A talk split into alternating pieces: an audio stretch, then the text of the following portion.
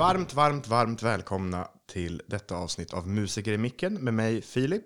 Och med mig Rickard.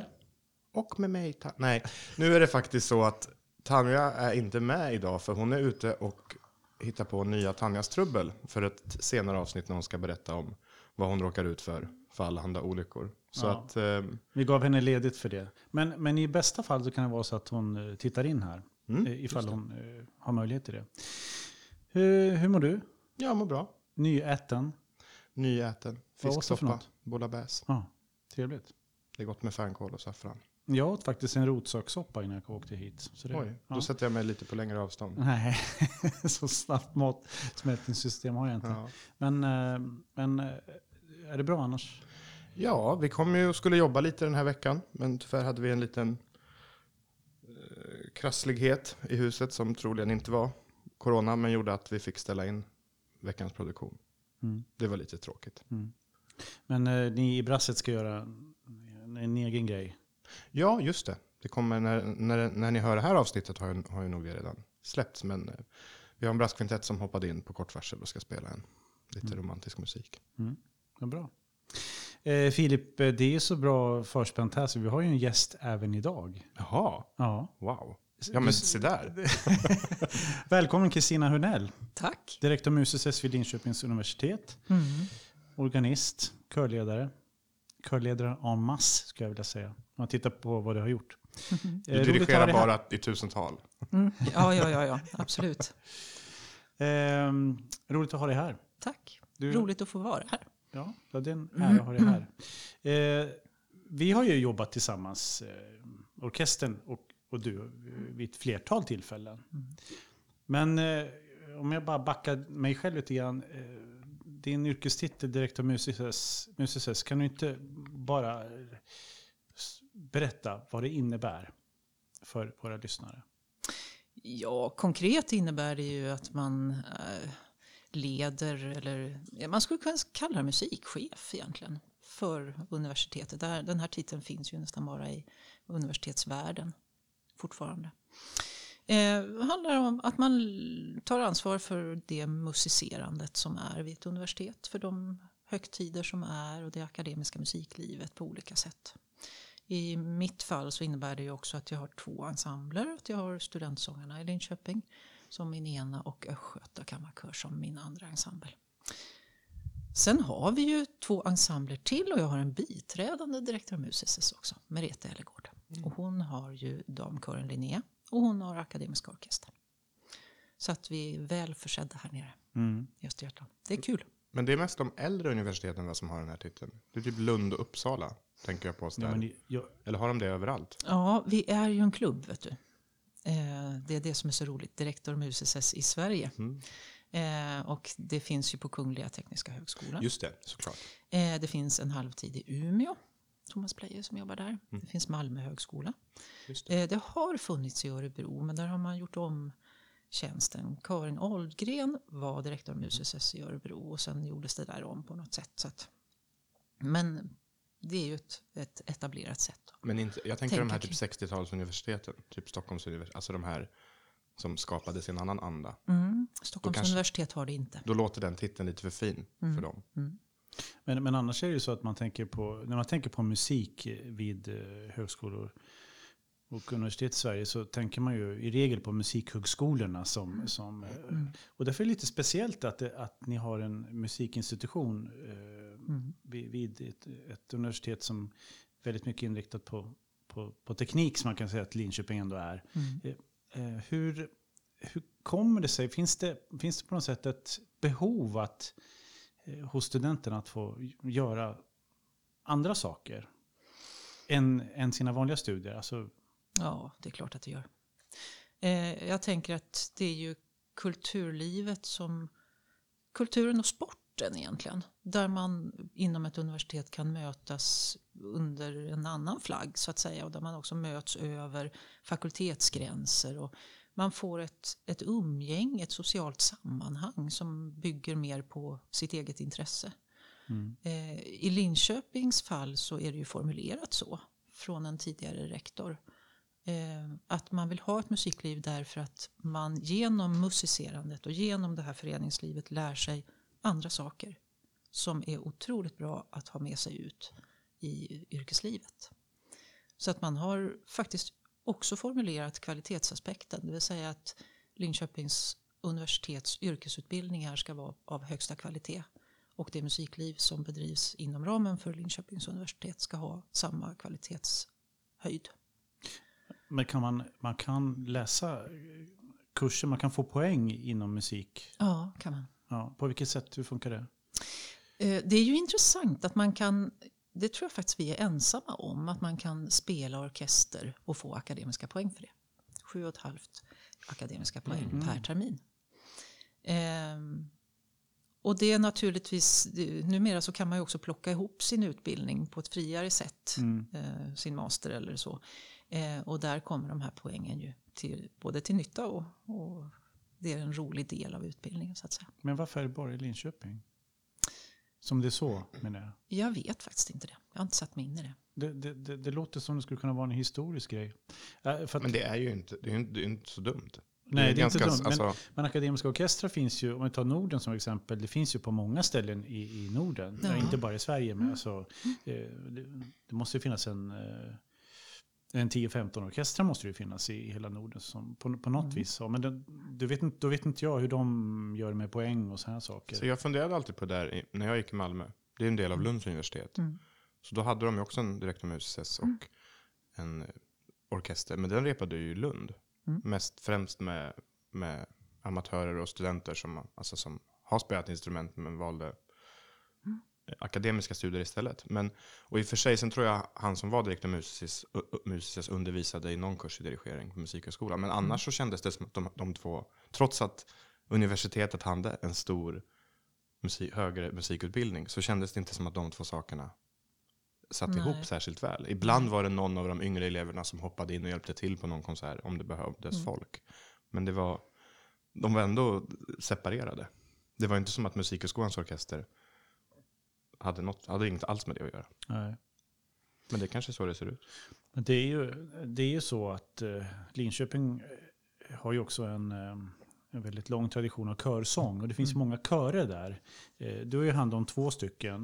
Men eh, eh, tidigare så har ju du, du har ju verkligen profilerat dig som en körmänniska.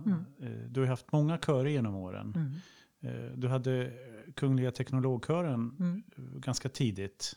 Och det tänkte jag just på när du pratade om den här diskrepansen mellan högskola och eh, musikhögskola och universitet. För när jag själv gick på Akis, eller Musikhögskolan i Stockholm, eh, det var då jag tog över teknologkören.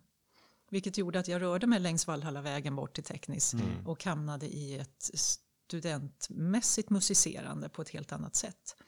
Eh, det var ju inte många kvarter emellan men det var ju två helt olika världar att tänka utifrån. Liksom.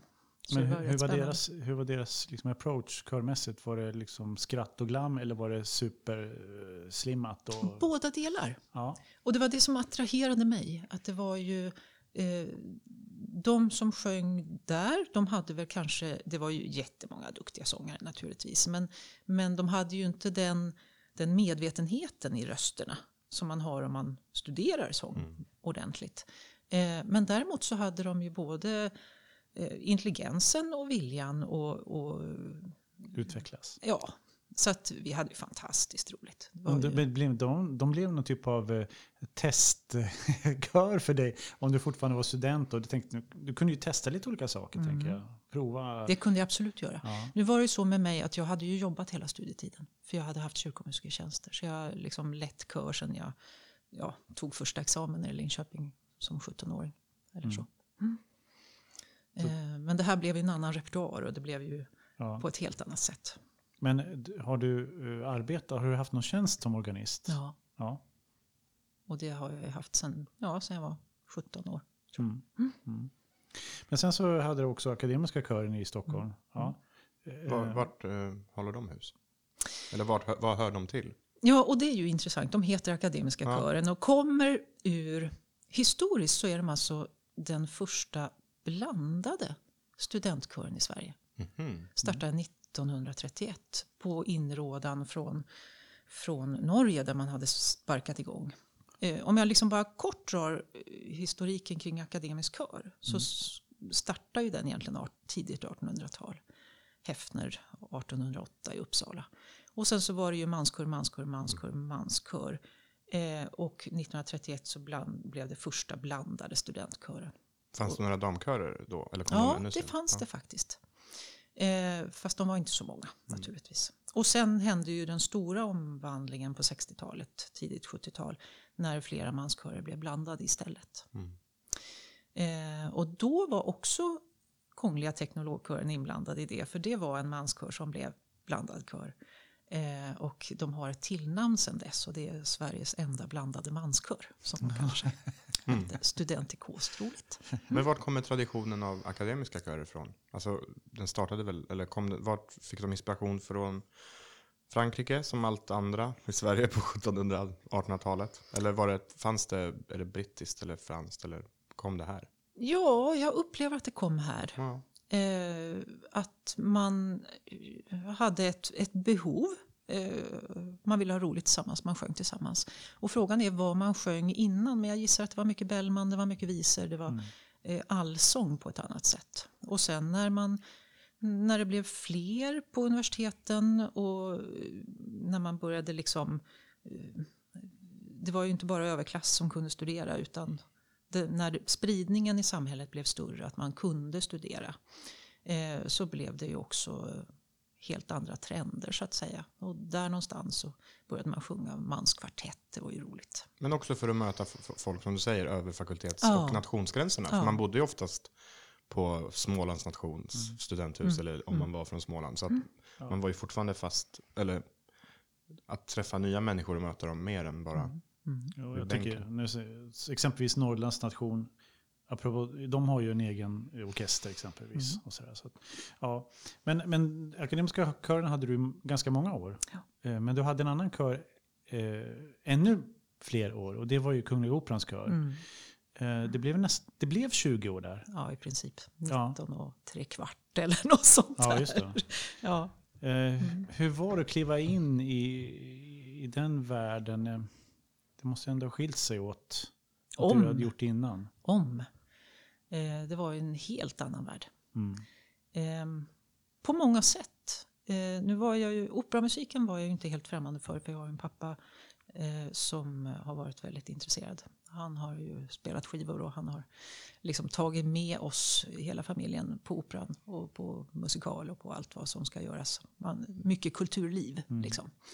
Så att jag var inte så främmande för själva musikstilen även om jag inte hade jobbat med den själv.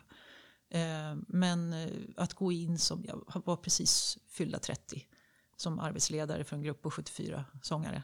Eh, med stora personligheter. om, och stort vibrato. ja, Hur var det? Skillnaden från rak svensk så här, studentkör, ehm, nordiskt och långa vokaler till Mm. en kör med så många Med kött. kött på benen.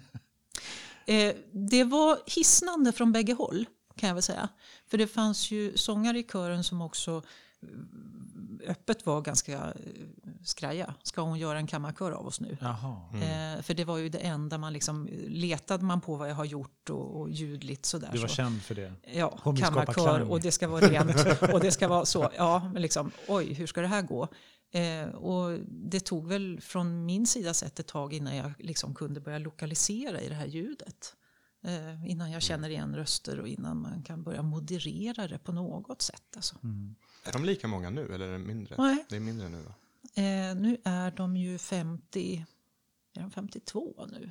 Jag ska låta det vara osagt. Men eh, när jag lämnade då var de 60.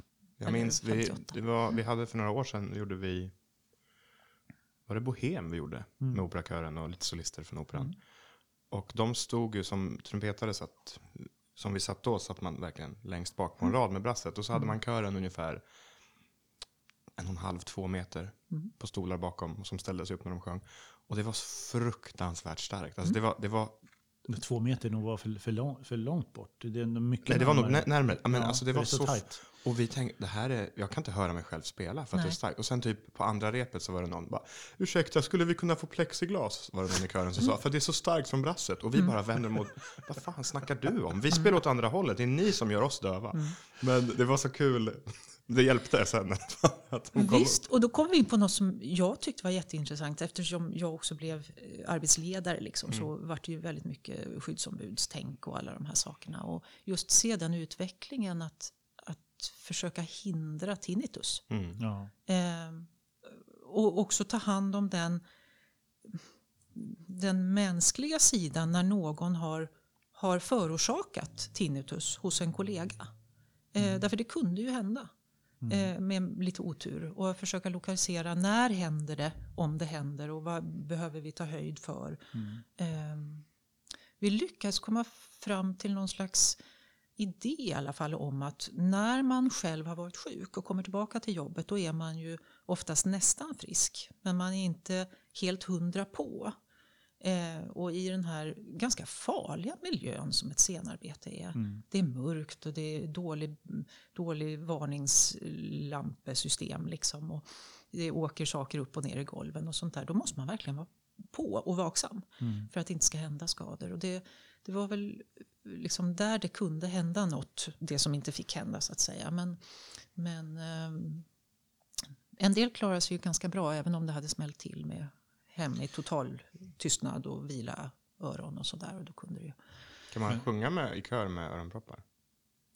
Ja, det kan man. Man får öva sig. Men Man kanske har sådana här individuella öronproppar, sådana här formgjutna. Jo, Ja. jo, men så fort du trycker ett finger mot örat så Jo, hör du din jo. röst. Helt, man får en sån annan... Men, men just det där med att ge en kollega tinnitus, det, det är ju inte bara jobbet för den som får tinnitus, det måste vara också jobbet för den kollegan som Ja. har, som, det, såklart. Mm. Ehm, och jag tänker att det, det finns ju, eh, som Pavarotti, och de berättade någon gång på ett program för väldigt länge sedan, eh, det finns ju rent tekniskt hur de gör för att eh, inte ska sjunga varandra sina, när de står på scenen. Att, att det har att göra med, med hur de lägger huvudet, om, om en kvinna och en man då exempelvis i, i en scen ska sjunga någonting. Det gäller att, att eh, kinderna och huvudet, att det är på, ligger på ett speciellt sätt så att inte de sjunger varandra rakt i öronen. För att d- då, snackar vi, då snackar vi dövhet. Men det är Ja, sjukt ja, ja. när man ser vissa videos på just Pavarotti. När han håller eh, den kvinnliga huvudrollsinnehavaren i sin hand. Och sjunger romantiskt så gott som rakt in i hennes öra. Alltså det är ju en ganska ordentlig pipa. Ja, Och i verkligen. en kör kan man ju inte, om just en operakör där de ändå sjunger med lite mer kräm. Det går ju inte alltid att välja hur man ska stå. Utan det, man står på två eller tre rader. I, Fast det övar man. Momentet övar man. I vilken ordning står man? Och är det okej? Nu har vi hittat en uppställning för den här scenen. Är den okej? Eller är det någon som fortfarande har dubier? Låt oss ta upp det nu så vi kan förändra. Så att man känner att man är trygg. Eh, där man har blivit placerad eller där man står. Men, men fungerar det så här att eh, du var tvungen, var du tvungen att vara där på föreställningarna? Ja, Eh, oh ja. Så det blev många sena kvällar då? Mm, precis som för Men jag var ju inte tvungen att vara där för sakens skull. Utan jag var ju där som bakom dirigent. Mm. Eh, hade du Stämmer sig pigg-handskar? Nej, inte där. Det har jag sett på operan ganska ofta att de har. Ja, Så vita så Ja, när man dirigerar scenmusik och kör. Ja. Så, alltså inte med extra stora tummar som Musse Pigg, men bara Nej. vita. Så att man, Det har hänt Mm. i, i Stockholm också. Eh, om det var riktigt taskig belysning. Eller att man behövde synas på väldigt långt håll. Att musiker inte liksom hann fram eller stod väldigt långt bort på andra anledningar. Då hände det. Men i Bayreuth däremot, där hade jag ju vita handskar hela tiden. Och då hade jag ficklampa också. Du var assisterande kormästare Mm. 2005. Ja. Var det. Eh, hur, hur, hur fick du det gigget, jag på säga?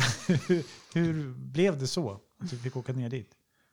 Ja, rent konkret så fick jag ett fax faktiskt där nerifrån från organisationen och de, de undrade om jag ville komma ner. Ehm, jag hade varit ute på lite sådana här studieresor. Det är ju alltid, som musiker är det viktigt. Man ska ut och lyssna, man ska ut och träffa folk. Och då hade jag varit i, bland annat i Berlin. Eh, och träffat eh, kormästaren där nere. Och det visade sig att han var ju också, han jobbade i Bayreuth sedan många, många år tillbaka. Ehm, och vi hade väl några bra samtal. Det var Mm. en jätteintressant vecka.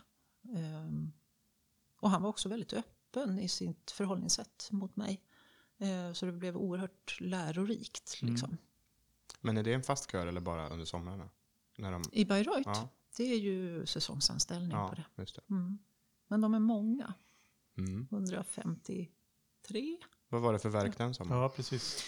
Det var alla utom ringen och Mästersångarna. Så jag fick göra alla körbitarna. Det var ju en guldgruva och en dröm för mig. Det var en sommar du aldrig kommer att glömma. Nej, inte på något sätt kan jag säga. Nej. Ehm, det är ju, jag tänker det här med, med opera, operakör. Det är så mycket känslor, det är så mycket uttryck i rösterna. Ehm, och folk brukar säga, men saknar du jobbet på operan då? Saknar du jobbet? Ehm, och jag brukar säga att jag inte direkt jobbet. Men däremot så saknar jag ljudet. Mm. Eh, att få mötas rent fysiskt av det här liksom fantastiska, varma, fylliga, berörande. Eh, det kan jag sakna.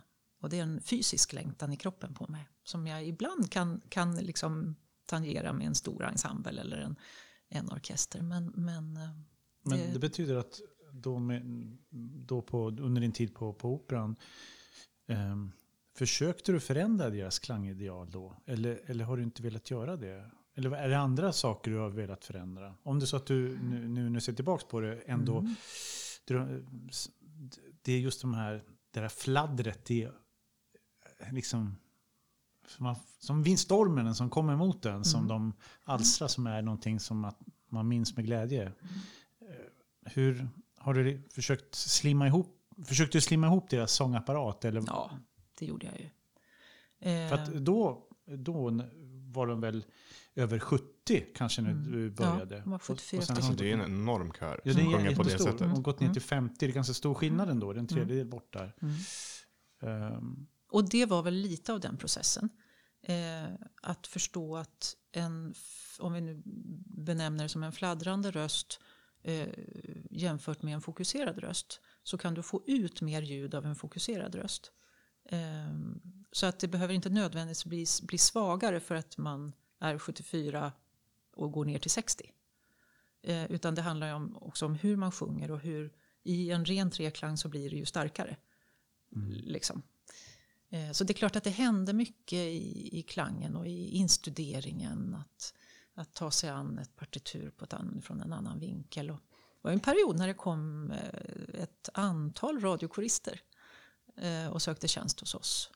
För att få några år när man sjöng på ett annat sätt och få med sig den erfarenheten. Och den öppenheten och den vandringen mellan två ensembler hade nog inte varit förut.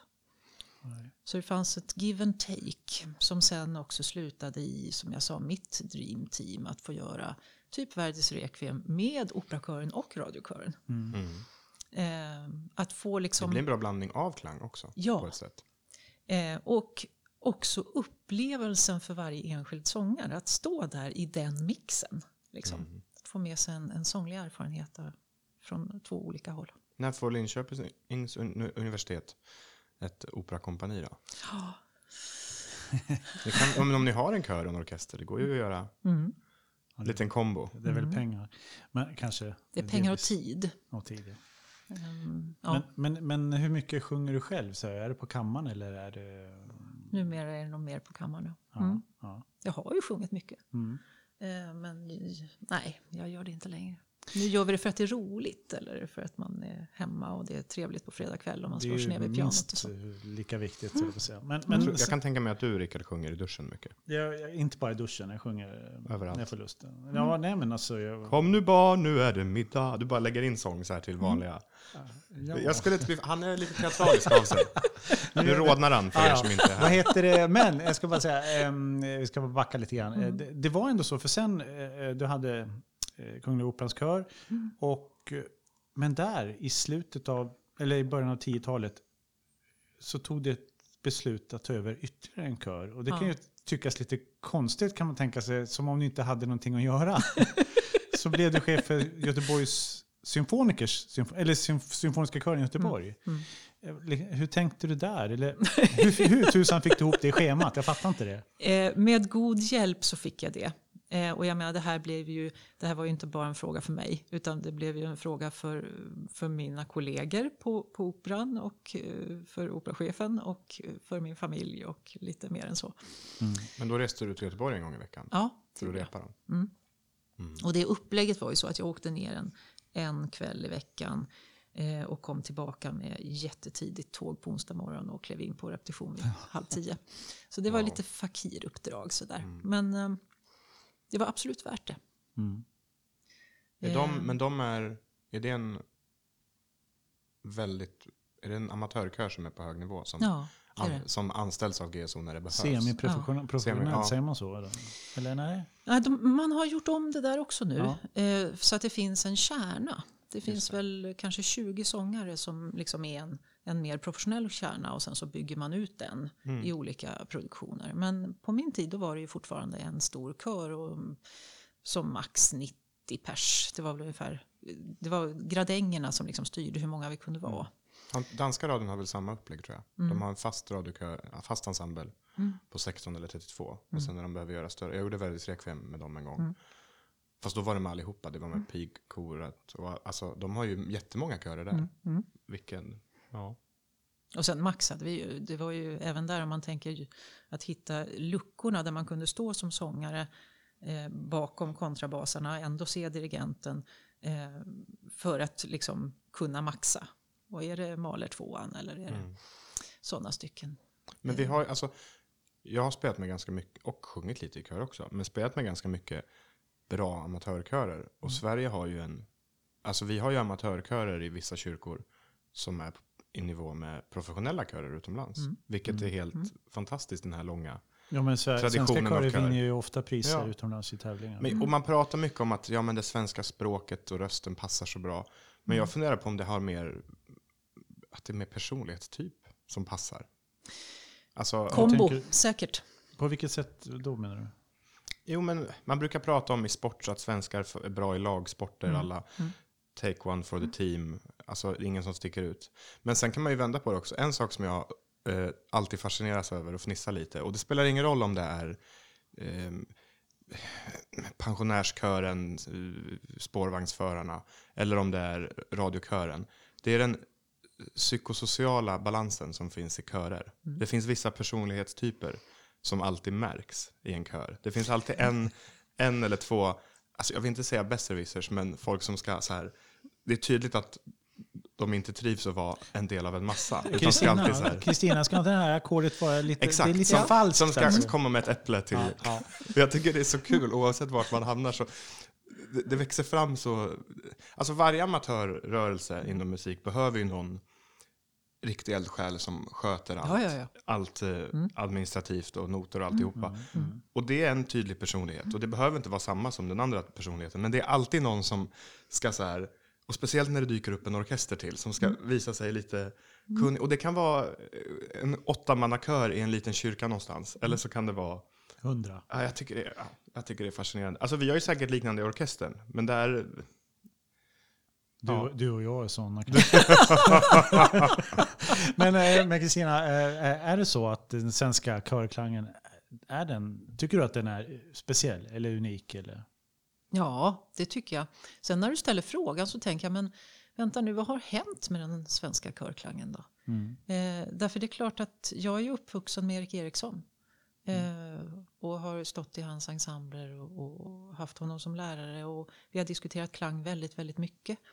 Och det handlar naturligtvis om textbehandling och det handlar om hur man, hur man staplar ackord och vilka, ackord som, vilka toner i ackordet som får övervikt för att klangkronan ska falla rätt. Och det rent tekniska på det sättet är ett glittrigt sound. Eh, men ett glittrigt med kropp. Eh, som jag tänker. Det, det är inte bara liksom klangkrona utan det är ju det är body i det ljudet. Men du, du menar att det är Erik Eriksson, det, att började det där menar du?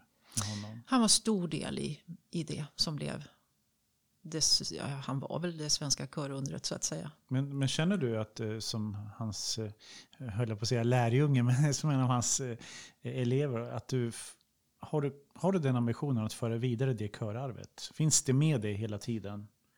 Hör du honom i din, i, bak i huvudet när du repar ibland på vissa saker? Ja, det kan jag göra. Mm. Eh, men jag förstår också att 20 år i ett operahus har gjort något med mig. Eh, så att jag är inte så klangligt renodlad eh, i Eriksson-spåret. Nej, du vill ha mer blod, Ja, man säger. Ja, det vill jag nog. Jag tycker om det. Tycker om Mm. att bli berörd av, av röst. Mm. Och så Är det jag- inte den här historien om Erik Eriksson? När de skulle, var, var det med radiokören och Erik Eriksson? Jag minns inte. De skulle åka till Italien och spela in Verdis Requiem. Med Abado eller vem det är, Motti eller någon sån där Mutti. tjofräs. Ja. Och så möts de på flygplatsen av någon från operahuset. Och så kliver av 32 personer. Och personen från La Scala eller vad det är bara, men hallå. Var är resten? Var är resten? Ta det lugnt, vänta bara. Alltså, Ja. ja, precis. Ja. Men, eh, men eh, okej, men då var vi, det- var Göteborg och Kungliga Operan där samtidigt. Eh, Men, men sen, sen har ju, bytte du ju spår ganska så dramatiskt där i samband med att dels att du började här i Linköping, men du började också plugga. Alltså, hur, Mm. hur, kom, hur kom det? Varför? Kände du ett behov att bli akademisk på något sätt? Nej, det gjorde jag inte. Utan det här var en, en gammal dröm eller ett av de här spåren som fanns i mig. Som du Eh, inte hade hunnit eh, utveckla tidigare? Nej, i kombination med... Jag tänkte ju, nu är vi tillbaka till de här ungdomsdrömmarna som ju kanske inte har så mycket relevans. Men, men i mitt huvud eh, när jag gick i skolan och innan jag började gymnasiet så skulle jag nog bli läkare. Jaha. Eh, Har ni, fanns det sånt i familjen? Nej, Nej. fanns det inte. Men i mitt huvud så fanns den tanken. Eh, och jag kan väl då vara glad och säga tacksamhetens ord till de som såg till att jag inte blev det. Eh, utan att det blev en annan väg för mig. Men någonstans så har det ändå funnits en fascination över, över det här med, med kanske inte läkarvetenskapen men, men ändå med människan så att säga. Eh, utveckling och, och så. Det är nog från det spåret som det här kom. Sen hade jag ju faktiskt varit arbetsledare för många människor i nästan 20 år. Mm. Och jag kände någon form av behov av att, att definiera. Ehm, Dina Va, va, erfa- de vad pluggade du? Jag läste KBT, Mm. tog en steg ett. Och jag hade också läst lite organisationsutveckling och jag hade läst eh, något som heter NLP, eh, neurolingvistisk programmering, som är ett, ett slags KBT men som handlar mycket om hur man utifrån språket eh, Eh, kan både formulera men också locka människor till utveckling. Då. Eh, så att det låg liksom i pipeline på något sätt att ta den här steg 1 KBT-examen. Men- Men ditt, din uppsats, det var ju ett intressant och relevant ämne. Har, du, har du googlat nu här? Eh, jag har Jag läst hela uppsatsen och på sidan 314 har han del. Nej, men det, det, det handlar ju om scenskräck. Ja, det Och, och, och i vår bransch är ju ett högst relevant ämne får man väl ändå säga. Eh, eh, Och, och det, var det, det var det du ville på något vis definiera och sätta finger på. Och rama in den här lilla grejen. För att, Mm. Men är scenskräck någonting som, är det någonting som du har drabbats av eller känner? Eller bara en, någonting du har velat stolpa upp om man säger? Eh, det var väl så att jag tänkte att jag har jobbat med människor i den här den situationen så många år. Och vi har hittat våra hemgjorda lösningar på det här. Mm. Eh, och fel eller rätt, jag menar, vi hittar en strategi för hur vi hanterar det själva. Eh, ibland pratar vi med en kollega om det och ibland gör vi inte det. Eh, men som, som arbetsledare och pers med personalansvar så har jag naturligtvis suttit i väldigt mycket sådana diskussioner. Och gjort mina hemgjorda lösningar. Eh, och nu när jag började plugga så tänkte jag, men hur, hur skulle man göra det då? Om man faktiskt gjorde det enligt en, en skola eller på ett, med en metod. Det är ju inte bara jag som har funderat på hur jag kan guida människor till ett bättre läge än det de står i just för tillfället. Men skulle du säga att eh, det här med rampfeber eller scenskräck, att, är är det tabubelagt inom, inom eh, sceniska konster? Eller, eller pratar, pratar, pratar man om det inom körvärlden? Ja, det gör man nog. eh, till en viss nivå. Mm. Eh, och det tror jag inte bara är i körvärlden utan det är väl liksom sådär musiker emellan att oj, idag var jag nervös liksom, eller idag kändes det jobbigt. Eller, eh, och det påverkas ju av så många saker. Det är ju mötet på scenen och impulser man fångar eller inte fångar. Och Mm. Det vet ni ju själva att det kan hinna hända så mycket på något sätt i, Mm. i den där situationen. Men jag tror inte att man pratar om det så vanligt på en, ett djupare plan. Nej. Och det var ju en upplevelse för mig att sätta mig och göra djupintervjuer med musiker. Och ställa de här frågorna. Eh, när de själva visste att jag skulle ju aldrig förmedla vem som sa vad. Eller, eh, utan det var verkligen Förtroliga samtal. förtroliga samtal för att jag skulle komma vidare i mitt studium så att säga. Det var fantastiskt fint. Och, och ibland ganska skrämmande. Men det är, det, är, det är intressant att det finns, alltså det är ändå förknippat med en blyghet eller skam Mm. för många inom ah, yrken där man på något sätt står på scen eller framför en mikrofon eller vad det kan vara. Mm. Men det är ju inget konstigt Nej. Men, alls. men skulle du Filip säga att det är tabubelagt inom orkestervärlden? Alltså jag tror ett sätt, det är lite så, jag vet inte, jag upplever inte det så mycket från mitt perspektiv. Men då utgår jag ju från mig själv. Jag vet ju inte vad mina kollegor säger och inte säger. Men ett väldigt enkelt sätt att se att det, att det finns ett tabu om det. Det har ju med att göra mot, för vissa drabbas det ju så hårt så att det finns ju, det finns ju medicin som hjälper. Det är betablockerare och så. Och den, det har ju varit väldigt tabubelagt. Mm. Bland orkestermusiker känner jag till flest. Det var en lång artikel om det i Opus för massor med år sedan som en god vän till mig skrev.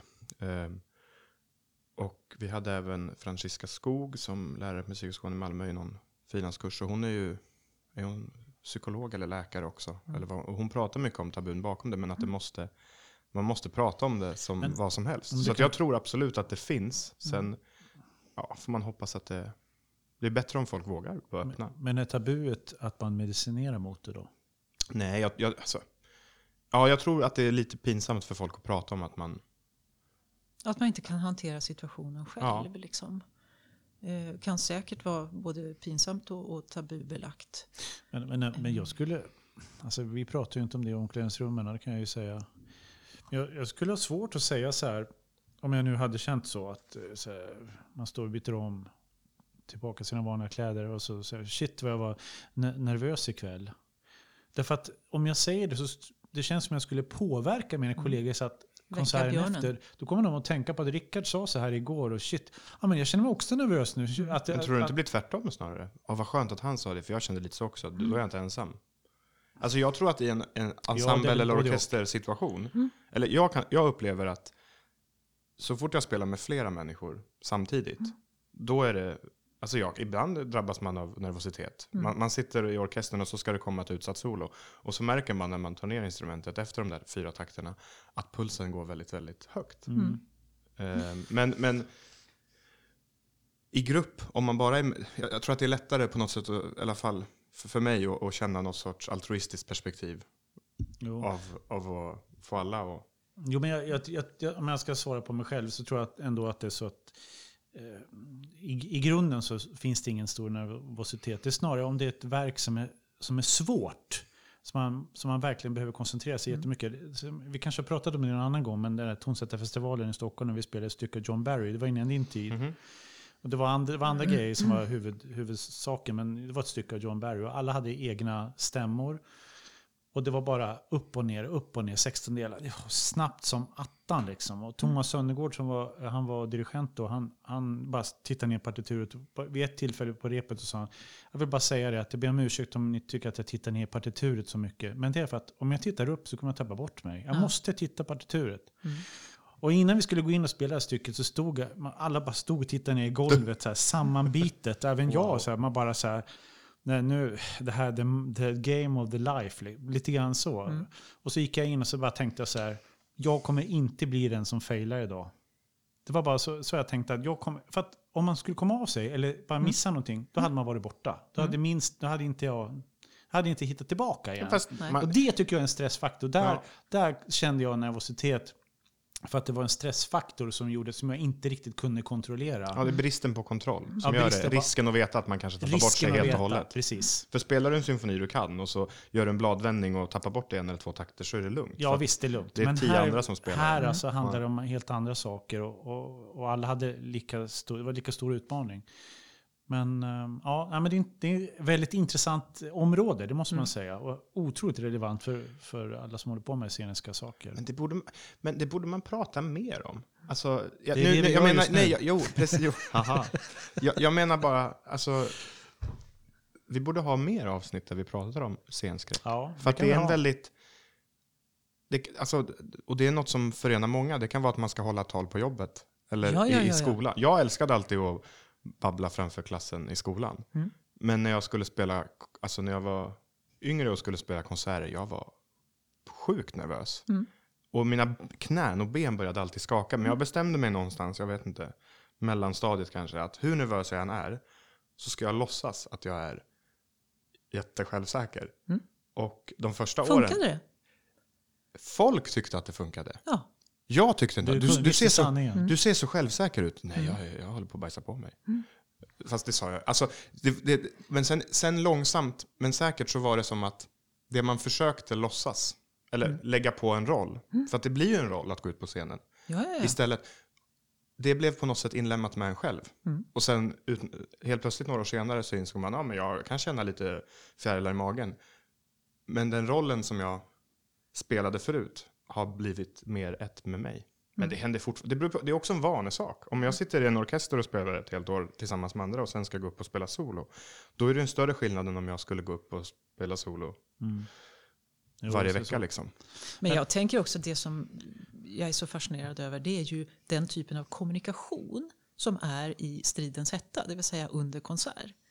Det här energiflödet mellan människor där man har fullt fokus på att, att göra det som hör till mitt pensum så att säga. Jag ska spela min stämma eller jag ska dirigera på det sättet. Och ändå förstå vilket energifält som finns i den här orkestern med den här kommunikationen där man tar impulser, ger impulser, uppfattar att där händer det någonting. Kommer jag att behöva gå in och göra, ska jag ligga lite tidigt nu eller ska jag, nej jag lutar mig lite, han tog ett initiativ. Det här är helt fascinerande. Och det är så viktigt vad man utstrålar. Alltså Ja. jag, jag tänkte, nu när du sa det, vi har ju haft några konserter med dig. Mm. Eh, när vi har haft singalong och lite andra saker. Mozart-mässa sist. Att på någon av de där singalongerna när publiken är med, det har ju hänt att, att någonting går lite åt helvete. Jag Ja, vet inte, publiken eh, släpar efter. Mm. Alltså, Nu var det inte illa menat mot dem, så, utan, eller att någonting händer i orkestern. Ja, Men ja. du är väldigt bra, och nu när, vi, nu när Rickard har gjort sin privatdetektivutredning av dig, Ja, så kan jag förstå kanske mer, speciellt med KBT och allt det där. För att, även om du märker att nu, nu är folk på helt olika ställen, Ja, ja. vikten av att du förmedlar ett lugn Mm. gör att problemet blir så litet som möjligt. Vilket är lite... Det är som en, många dirigenter när en orkester börjar spela otajt så börjar de slå jättestora slag. Mm. Här är jag. Mm. Fast för att det är intuitivt det rätta. Men egentligen ska dirigenten börja slå jättesmå sl- slag för då är alla tvungna Ja, ja, att titta ja. upp. Och så ändrar Ja, ja. man fokus. Och jag tycker det där, den psykosociala grejen är väldigt spännande. Men tycker du att du har haft nytta av de, den, de där de psykologistudierna och dina djupintervjuer och allting i ditt fortsatta arbete? ja, tycker jag. För det är väldigt ovanligt kan jag säga att, att man, eh, det är väl bara i en sån situation när man ska förbereda en uppsats och göra intervjuer som man verkligen får höra vad folk tycker om saker. Mm. eh, När man gör djupintervjuer, annars så Mm. får man inte den möjligheten. Nej, och just skrapa bort allt det här eh, beroendesituation. Att jag säger bra saker för att jag vill få ut någonting av det sen. Eller liksom allt det här. Utan där är det två människor som möts i ett, i ett ärligt samtal. Eh, och det är ju ja, det är jättevärdefullt. Fantastiskt att få vara med om. Jag har det med mig, absolut. Mm. Jag förstår också saker, ut, eller jag väljer att läsa utifrån det perspektivet ibland. När jag har en situation framför mig så kan jag ju välja att, att agera själv eh, på olika sätt. Och att gå från det hållet att med ett förstående öga och se, känner jag igen det här? Har jag sett det här i något sammanhang tidigare? Eller vad har jag för kunskaper som jag kan använda för att lösa det här? Att vara en del av lösningen istället för problemet. Är det stor skillnad på att dirigera kör och orkester? Det är det. Eller både, ja, ska jag säga, det är det ju. Eh, därför Och vad att, blir det svåra när man gör båda på samma gång? Det är ehm, väl kanske två frågor. Mm. Eh, Det är skillnad för att jag har en text när jag jobbar med kör. Eh, enbart kör. Fast i början av Det strålar en stjärna, då är det bara... Det är sant. Jag tänkte inte på just det istället. Det var bra att du sa tycker jag. För nu, nu fick vi Om vi liksom... bortser från just det. Om vi just tar bort starten på den strålande stjärna. Ja. Nej, men det, det påverkar mig mycket gestiskt. Mm. Eh, Att det finns ett språk att hantera. Konsonanter och flöde i vokaler och sånt. Men är det annorlunda, alltså timing? Ja, I det är det. när, när du ger, och, alltså jag, kördirigenter har ju oftast ganska, vad ska man säga, det är rundade kanter runt hörnen. Det, det är, vissa orkesterdirigenter kan vara väldigt, eh, inte fyrkantiga, men väldigt vassa Mm. i taktering och slagteknik. Mm. Kör är mycket mer flow. Det är ingen som lyssnar på det här avsnittet som ser vad jag gör med mina händer nu. Ni skulle skratta lika mycket som Mm. de andra två i rummet. Men om man då har ett verk, som när du har varit här, när det är både kör och orkester, Mm. måste man försöka hitta något mitt emellan? Eller kör man körens variant och så får orkestern hänga på? De gånger vi har gjort saker här, då har jag instruerat kören hur, hur jag skulle vilja att det var. Därför att vi redan i instuderingen tar med de här metrarna som vi har emellan.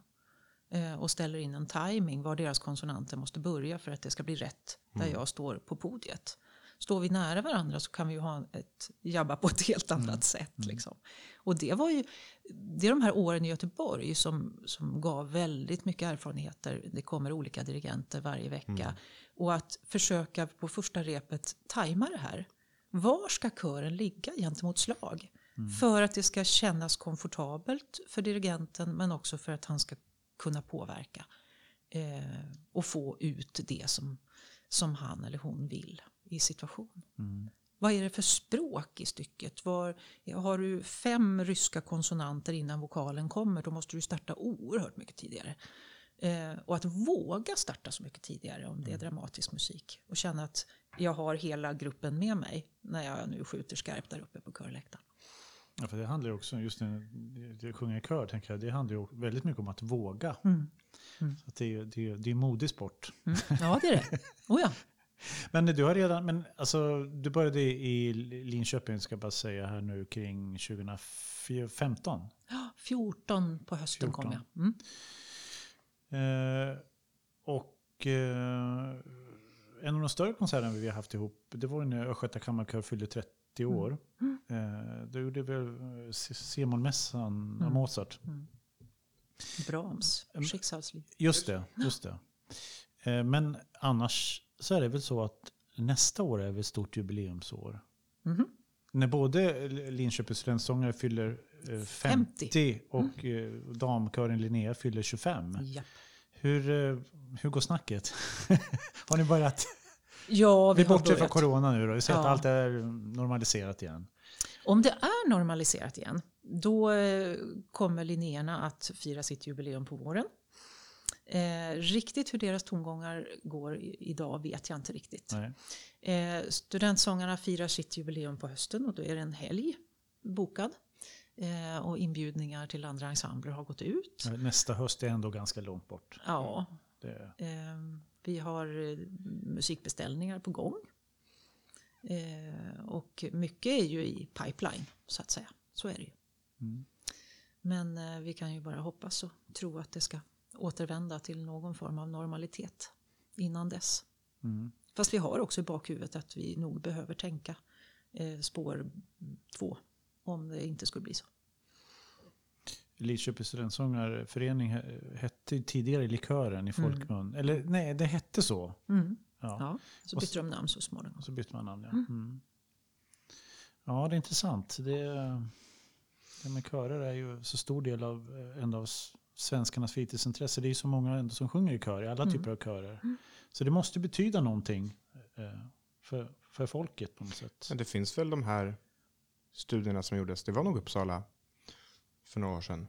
Eh, där de kollade pulsen på körsångare Ja. och såg att folks puls gick åt samma, Att man enas. att man enades. Ja. Och sen bevisade de väl massor med andra hälsoaspekter med att just sjunga i kör. Mm. Men jag tycker alltså, jag har sjungit ändå hyfsat mycket kör. och jag, tror att det var, jag tycker det var väldigt lärorikt för att sitta och spela orkester. Mm. Vikten att förstå av att blanda i en klang eller sticka ut. Och ja, Ja, jag sjunger i ungdomskör, men generellt sett när det är eh, musiker eller orkestermusiker så har alltså det, mm, det, det, det är inte så vanligt att man sjunger i kör eller har sjungit i kör. Eh, faktiskt. men jag hade kör redan i lågstadiet. Jo, det, men kör, jag såg ja, men jag menar... det jag- började där. Jo, men nu pratar vi eh, att man sjunger uppåt i vuxen ålder. Det, ja, ja. ganska, det är ovanligt. Det vet jag bara ytterst få som gör faktiskt. Mm. Det är som om det inte går att kombinera, men det är klart att det, att det måste gå att kombinera. Men det blir ju, folk har ju det som ett... Vissa går och spelar bandy på tisdagen. Ja. På onsdagen kör de barnen till någon träning och på torsdagen har de sin kör. Mm. Det Ja, blir ju, Ja, är de det. upp, på något sätt är det väldigt mycket paralleller med, med, med, med, med att hålla på med någon form av sport och en kör. Mm. Alltså åt båda hållen tycker jag. Men kör är ju så många saker. Eh, och ibland kan jag hissna över att det finns människor som har suttit och stirrat på mig varje torsdag i i 15 år. Eh, det blir som så här, men vänta.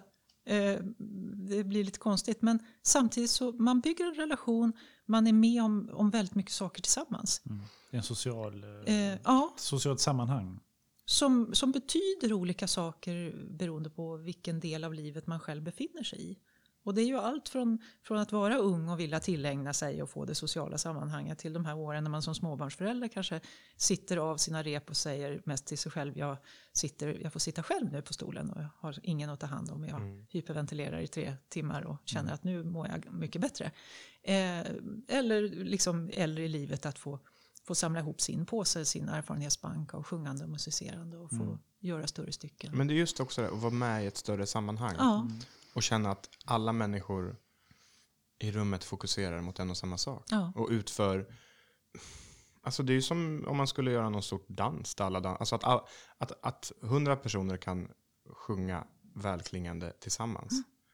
Och, eh, är ju, det ger ju en känsla av bekräftelse på ett, på ett bredare plan. Mm. Än om man har lagat en god pasta eller någonting, Rickard. Ja, Jag men vet det, inte. det, det, det, ja, men det handlar om välbefinnande. Det är för att det, det produceras endorfiner. Det måste ju finnas... någonstans- ja. Folk går ju inte till, till en kör för att de inte har någonting annat att göra på kvällen. Utan det, det är någonting att, att det, det, det betyder så mycket för, för var och en att gå till kören. Så att, därför att det händer någonting med dig. Mm. Som, i- alltså inuti din kropp. Som gör att man vill fortsätta gå. Och det, nivån i, en, i sig är ju inte viktig. Alltså man vill ju helst sjunga med folk på samma nivå som en själv. Så man långsamt rör sig framåt. Mm. Men det är ju inte det, är inte det faktum att det låter jättebra eller jättedåligt som gör skillnaden i de här aspekterna tror jag. Utan det, det, det är den här att alla bara enas och, och, och går åt ett håll. På något ja och sätt. sen tror jag också att man, man kan inte koncentrera sig på andra saker. Mm. Utan när du sitter på en körrepetition så tar det din fulla uppmärksamhet.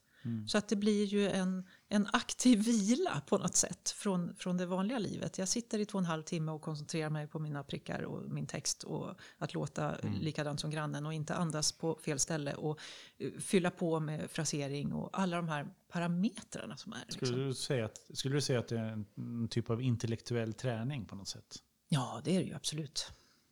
För, för hjärnan? I flera ju- nivåer. Ja. Att tänka fras, Ja. att, att räkna ut vad som händer sen. Att läsa noter och i bästa fall ligga takten före med ögat för att veta i vilken struktur du ska in. Att gissa Och det är i så stilen. många parametrar så det går ju inte heller att göra alla aktivt. Nej. Och du hoppar ju mellan de här under Ja. en repetition. Ja. Mm. Därför har jag och Rickard förberett en liten sång nu. Du har gjort en rolig text här också. Ja. Precis. Ja, Kristina. Men, eh, men, men då tänker jag så här spontant. eh, Visst, man, du är körledare och eh, körledare tänker man ju då att man har en kör framför sig. Mm. Men nu när det är corona och allting sånt här. Hur, hur, vad, vad gör du med dina... Vad, vad gör din kör nu? Eller vad, hur går det till? Eh, mina körer möter jag ju fast i fyrkantig form. Eh, så som vi alla möts nu för tiden. Det vill säga via Zoom. Eh, I mitt huvud så handlar det här ju mycket mer om vad, vad vi kan göra istället för vad vi inte kan göra. För vi är alla väldigt tydligt påtagligt medvetna om vad vi inte kan göra. Det vill säga sjunga tillsammans i samma rum. Även däremot så kan man lära sig musik. Så vi håller på att utveckla formerna för hur man med digitalfiler och med hjälp av mig på, i en av rutorna på Zoom med ett elpiano och med en, en liten poddmaskin eh, kan förmedla musik eh, på olika Mm. sätt. Men vi jobbar ju lika mycket kulturhistoria, musikhistoria, musikteori. Eh, bygger på kunskapsbanken på något sätt. För att när det här är över eller när vi kommer ut på andra sidan så ska vi ha en, en annan beredskap eller kunna starta om från förhoppningsvis kanske en lite annorlunda punkt. Jag vet inte. Alltså det här låter mer, mer professionellt än symfoniorkestern. På något sätt. Ja, Hon, hon, de, hon, hon träffar sin kör. Och de lär sig verken jätteordentligt själva Mm. hemma.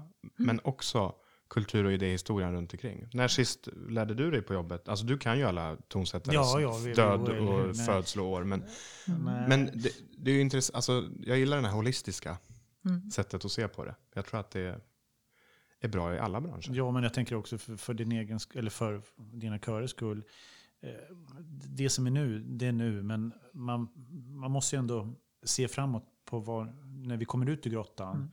Eh, Har man med sig allihopa eller har man tappat någon? Det vill man ju inte. Utan man vill hålla kvar dem och då måste man ju försöka skapa någonting under Mm. den tiden som är meningsfullt. Men det kan ju också ge, när, ni, när man väl får sjunga på samma premisser som tidigare, Mm det faktum att man har hållit på så här ett tag kommer ju göra att man kan bli mycket mer effektiv sen.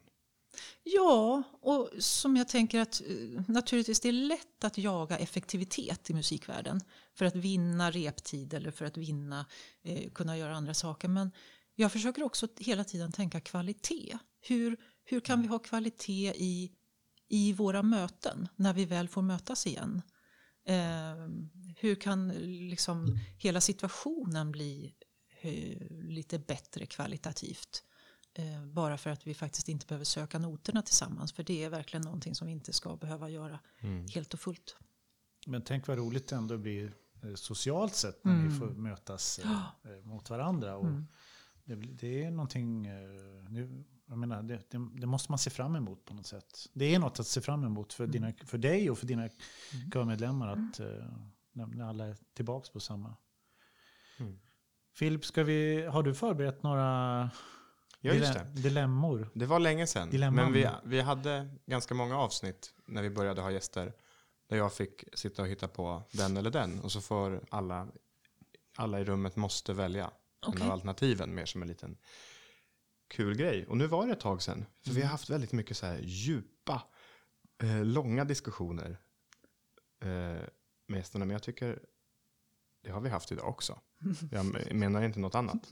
Men Rickard tyckte det var en bra Jag har några som är anpassade till eh, dagens Vi brukar, temor. Vi brukar nästan aldrig vara, vara ense om de här grejerna. Så kan jag säga. Eh, Eller vi tre brukar aldrig vara ense om grejerna. Det är lite lustigt faktiskt. Men det är väl, bara, det är väl bra också. Man måste välja en i alla fall. Eh, vare sig man vill eller inte. Allsång eller opera singalong? Mm, Ja, jag håller med faktiskt. ja. Jo, det gör jag väl också. Jag måste bara tänka på allsången. Allsång kan jag också Alltså nu pratar jag inte om allsång som fenomen, utan nu pratar jag specifikt på SVTs format av allsång. Kanske skulle... Eh, Jaha. Förtydliga ja, det. Ja, du tänkte på nu, allsång jag på pratar om en specifik... Ja, får Mm, man för säga jag det? tänker annars, allsång är ju väldigt trevligt när man man är på en stor fest. Ja, men så. i Ja. så fall är opera singalong också allsång. Ja, ja. Opera singalong. Ehm, Ehm, här är lite i samma eh, hörn. Som avslappningsmedel, ful-tv eller fin-tv?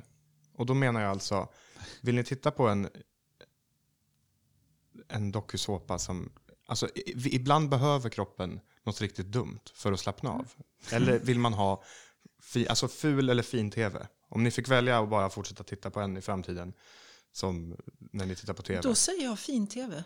Mm. För jag- Veck, veckans konsert eller...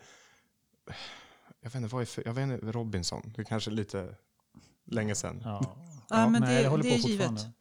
Fin-tv då, säger jag. Ja, det, jag säger samma för att... eh, alltså ful-tv då. Det är mer kvantitativt känns det som. Alltså det, det, är, det är fler grejer. En, en fin-tv kan du se en grej, sen kan du gå och göra någonting annat. Det är som, du kanske inte behöver mer än, än just det där.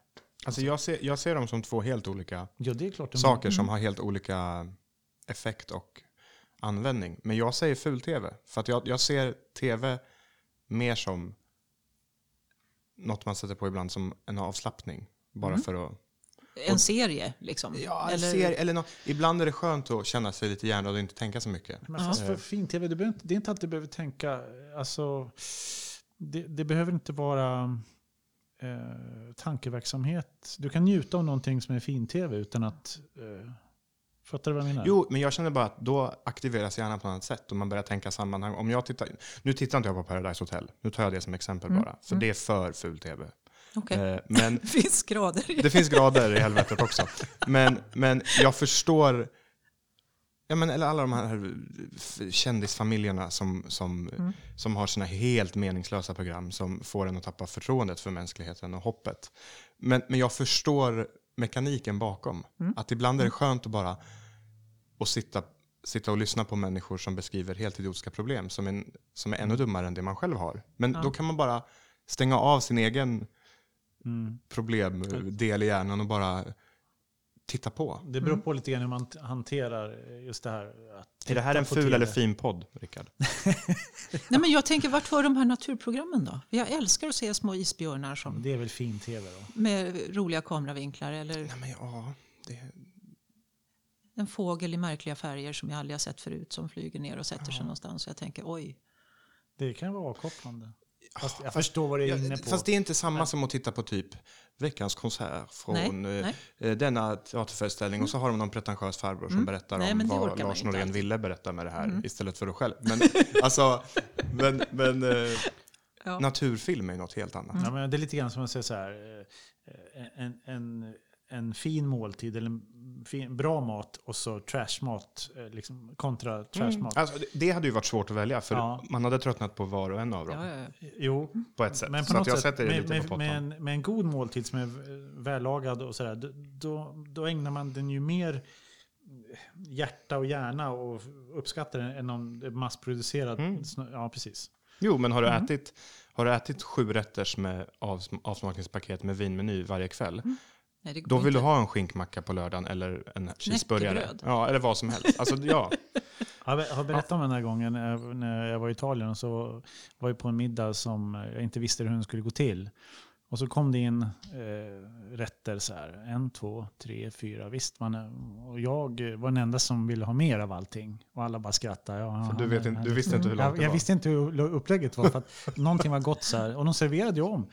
Och så en, två, tre, fyra, fem, sex, sju. Och så åtta, nio. Nå- Någonstans där vid tio så började jag liksom, uff, ja, det här går inte.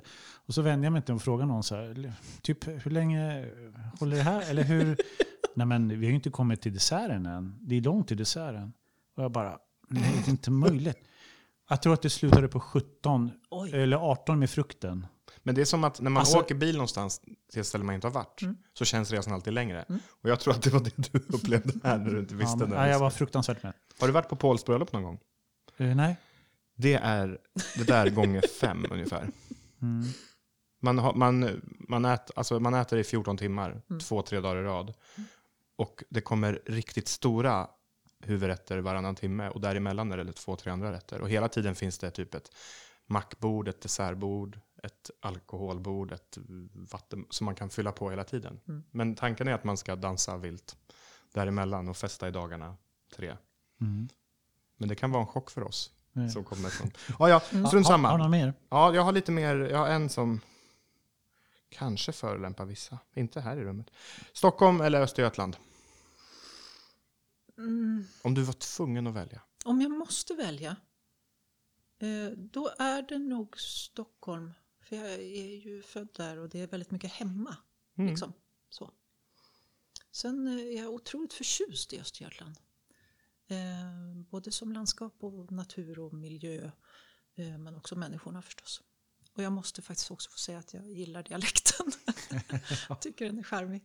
Mm. Mm. Eh, ja, jag säger nog Östergötland. Jag gör nog det. Jag har bott väldigt kort tid i Stockholm och eh, även fast eh, jag har varit där och eh, barn bor där och sånt där så Östergötland betyder nog mer. Säger jag. Jag är ändå från Gävle och ser det. Det är nästa Stockholm. Mm, är nästan. Får man säga det? Mm. Själv då? Eh, alltså jag tycker den är svår. För jag bor i Stockholm eh, främst Mm.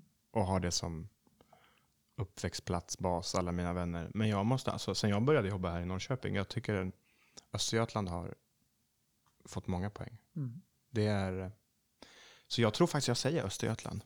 Eftersom jag ändå är knuten till Stockholm av, av naturliga skäl. Mm. Som, så, ja, jag önskar att man hade haft lite mer tid i Linköping. Vi har väl, jag har väl varit där ett 50-tal gånger sedan jag började jobba i orkestern. Men då dyker man upp en timme innan konsert och drar fem minuter efter konsert. Mm. Så man hinner inte... Man hinner inte... Det var samma sak när jag bodde i Malmö. Jag var nästan aldrig i Köpenhamn. Man, man, hann, alltså man, men jag tycker, att- ja, Här- vi har varit i Vadstena. Ja, Vi har fint. varit i massor med möjliga ställen och spelat. Jag tycker, Häromdagen så ramlade jag över en bok om, eh, en gammal bok eh, om Linköpings historia. Som var snabbspolad liksom från för tusen, tusen år sedan. Mm. Eh, Det var intressant. Faktiskt. Ehm, Mozart eller Verdi? Verdi. Uh, det var en jättesvår fråga. Du Om vi kör opera då? Mozart eller Verdi? Vi kan fokusera. Ja, så jag har opera, då Verdi. Men på totalen ska jag nog säga Mozart. Men, men Verdi om det är opera. Hade du frågat mig för typ tio år sedan hade jag nog sagt Mozart. För jag tyckte att varje gång jag gick och lyssnade på opera så var det bara massor med... Det var svulst, jättemånga toner. Det var som att beställa en pizza med, med fyra olika maträtter Nej, du, på. jag ändrar mig. Jag tar Mozart istället. Mm. Och då tyckte jag Mozart var bara rent och fint och rakt. Mm. Men nu när man har börjat, jag vet inte, få lite distans till det, då det svulstiga. Mm. Puccini, Verdi, lite se italienarna. Ja, men Det nu, sa på, nu la du till Puccini, det sa du inte Ja, nu, nyss. nu utökar vi. Ja. Ja, men jag, jag skrev först eh, Mozart, Puccini, men jag tyckte den var lite för taskig. ja. För att de är så bra i sin... ja men Sen tänkte jag på, Bellini, det är ingen som lyssnar på honom ändå. Jo, jag gör det. Men, men, men om man lyssnar på, tot, eller tittar på totalproduktionen så, så har ju Mozart gjort liksom mycket mer grejer och roliga... Oj, man ska inte slå i bordet. Eh, roliga grejer att lyssna på. Men... Eh, eh, ja, nej, men man kan, får man plocka några guldkorn så skulle jag säga Verdi, men annars Mozart. Vi hade ju en liknande för massor med avsnitt sen, när våran, jag tror det var våran konstnärliga chef fick välja mellan Haydn, bara Haydns symfonier resten av livet eller bara Bruckner.